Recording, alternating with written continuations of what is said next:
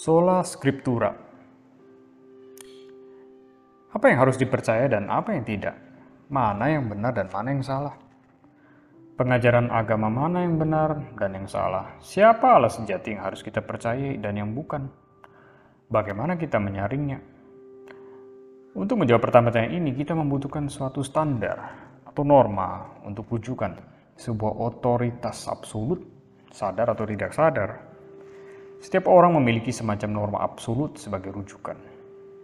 Beberapa orang merujuk kepada logika untuk menentukan kebenaran. Orang lain merujuk kepada pengalaman. Ada juga yang menjadikan diri dan pengertian subjektif diri sebagai standar kebenaran. Walau ada kebenaran pada masing-masing pendekatan ini, kekristenan dalam perjalanannya telah menolak semua hal tadi sebagai satu standar ultimat bagi pengetahuan. Umat Allah secara menyeluruh membenarkan kalau hanya ada satu yang dapat dijadikan standar tertinggi yang sah, yakni firman Allah. Karena Allah ada otoritas tertinggi. Pertanyaan akan otoritas kebenaran ultimat ini bukanlah hal baru, melainkan sudah terjadi di Taman Eden. Tuhan berkata, kamu pasti mati jika makan buah pohon pengetahuan yang baik dan yang jahat ini. Namun, Iblis berkata, sekali-sekali kamu tidak akan mati. Lalu bagaimana seharusnya keputusan Adam dan Hawa berkenan dengan dua klaim ini? Apakah melalui rasionalisme atau empirimisme? Atau berdasarkan subjektivisme, apa yang kelihatannya benar menurut mereka? Semua tidak. Mereka seharusnya merujuk kepada pengertaan Allah. Tapi Hawa lebih memilih metode ilmiah melalui pengamatan dan uji coba. Lalu akibatnya adalah kejatuhan di dalam dosa. Kejatuhan manusia adalah penolakan manusia untuk menjadikan firman Allah sebagai standar ultimat sepanjang seluruh hidup kita. Seluruh hidupnya. Pertanyaan, jika perkataan Tuhan adalah standar ultimat, dari manakah mereka mendapatkan firman Allah? Gereja Roma Katolik mengajarkan firman Allah adalah standar ultimat bagi sepanjang hidup dan mereka percaya kalau perkataan Allah ini dapat ditemukan di tempat-tempat di luar Alkitab. Roma Alkitab mengajarkan ada tiga otoritas di atas hidup, yakni Alkitab, tradisi, dan magisterium. Dan kunci penting dari tiga otoritas ini adalah magisterium, yang merupakan tidak lain lembaga pengajaran otoritatif dari Gereja Roma Katolik, yaitu terutama Paus yang adalah dikatakan penerus dari kerasulan Petrus ex katedra. Sehingga perkataan yang disampaikan Paus senantiasa diperhitungkan sebagai perkataan Allah sendiri. Namun bagi teologi reform, Allah memang menggunakan berbagai cara untuk menyampaikan perkataannya kepada umatnya sebelum Kristus. Seperti di kitab Ibrani pasal 1 ayat 1 juga dinyatakan berulang kali dan dalam berbagai cara. Tapi sekarang kita tidak seharusnya mengharapkan masih adanya kelanjutan pewahyuan Allah karena Allah telah secara final berbicara melalui anaknya. Begitu juga Paulus di surat Efesus berkata, orang Kristen dibangun di atas dasar atau fondasi rasul dan nabi dengan Kristus sebagai penjuru. Fondasi ini terutama adalah pengajaran firman otoritatif berkenaan dengan kesaksian pekerjaan penembusan Kristus yang harus diletakkan terlebih dahulu sebelum gereja dapat dibangun. Itu sebabnya perjanjian baru adalah finalitas dari pewahyuan Allah bagi umatnya. Perjanjian lama daripada 39 kitab dan perjanjian baru 27 kitab adalah satu-satunya kitab yang adalah perkataan firman Allah. Pengertian ini disebut sola scriptura. Hanya Alkitab firman Allah dan karenanya Alkitab adalah satu-satunya peraturan atau otoritas dan doktrin bagi hidup yang tidak bersalah. Infallible. Inilah sebab formal atau formal cause terjadinya reformasi. Material cause sola fide. Kita temukan pengertian ini dalam kalimat Martin Luther yang terkenal di The Age of Worms pada tahun 1521 saat ia diminta untuk menarik kembali pengajarannya. Dia berkata, kecuali kalau saya diyakinkan oleh kesaksian kitab suci atau oleh alasan yang jelas, karena saya tidak percaya kepada paus atau pada konsili semata, karena sudah sangat diketahui kalau mereka sering kali salah dan kontradiksi sendiri. Saya diikat oleh kitab suci yang telah saya kutip dan hati nurani saya ditawan oleh firman Allah.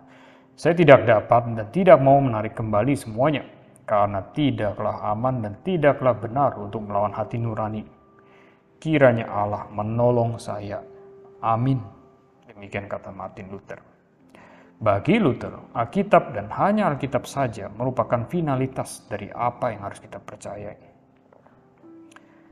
Ada beberapa kesalahan pengaplikasian daripada sola scriptura. Ya, sayang sekali yang pertama, kesalahan individualisme. Saya, Allah, dan Alkitab. Mereka menganggap gereja tidak memiliki otoritas real dan pemimpinan roh kudus dalam sejarah gereja. Juga tidak perlu dipertimbangkan.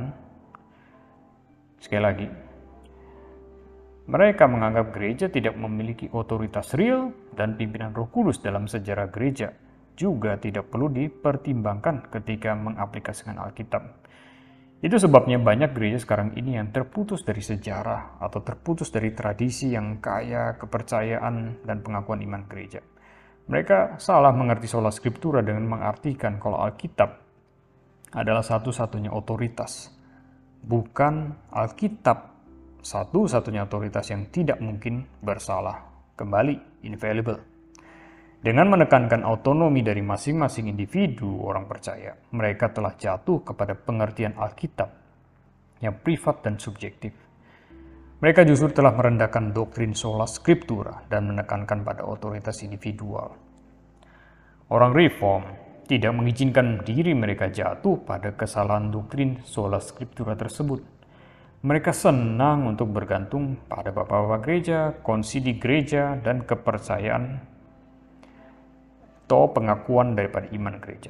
Tujuannya untuk mempertahankan baik ortodoksi dan kebenaran hati. Kontra dengan pengertian populer kekristenan yang saat ini yang suka menekankan pada sesuatu yang baru. Orang reform suka dikenal sebagai orang yang menemukan sesuatu yang sangat tua, sangat kuno, sesuatu yang telah dipercaya gereja sebelumnya, tapi kemudian diselewengkan atau didistorsi. Orang reform bukanlah penemu atau inovator, melainkan penggali eskavator. Hal kedua adalah satu kesalahan menyetarakan otoritas. Sola Scriptura juga melindungi kita dari menjadikan keyakinan iman dan pengakuan iman atau dokumen layaknya ide manusia lainnya yang setara dengan kitab suci.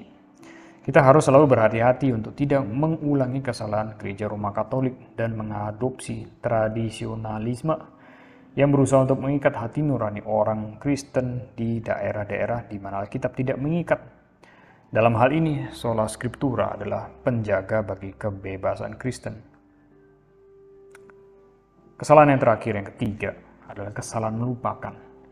Bahaya terbesar berkaitan dengan sola scriptura bukanlah dikarenakan ketidakmengertian, melainkan melupakannya. Kita rentan untuk menganggap kalau ini adalah doktrin yang dihasilkan dalam pertebatan abad ke-16. Peperangan antara Roma Katolik dan Protestan tidak lagi relevan untuk zaman modern atau sekarang ini. Gereja Protestan saat ini sangat membutuhkan doktrin ini lebih dari sebelumnya gereja telah melupakan pelajaran dari reformasi dan kembali bergantung pada otoritas ultimat di luar kitab suci. Jadi jalan utama untuk kembali doktrin sola scriptura adalah dengan mengkorbankan kitab suci. Hanya perkataan Allah yang berkuasa untuk mentransformasi dan mereformasi gereja kita. Kita tidak boleh hanya berbicara soal sola scriptura, tapi kita harus mendemonstrasikannya. Sekali lagi, kita tidak boleh hanya berbicara tentang sola scriptura, tetapi kita harus mendemonstrasikannya. Untuk itu, seluruh perkataan Allah harus dikorbankan. seperti dikatakan kisah para rasul pasal 20 ayat 20 dan juga 27 bukan memilih bagian-bagian tertentu yang kita sukai atau yang kita pikir jemaat gereja mau mendengarnya.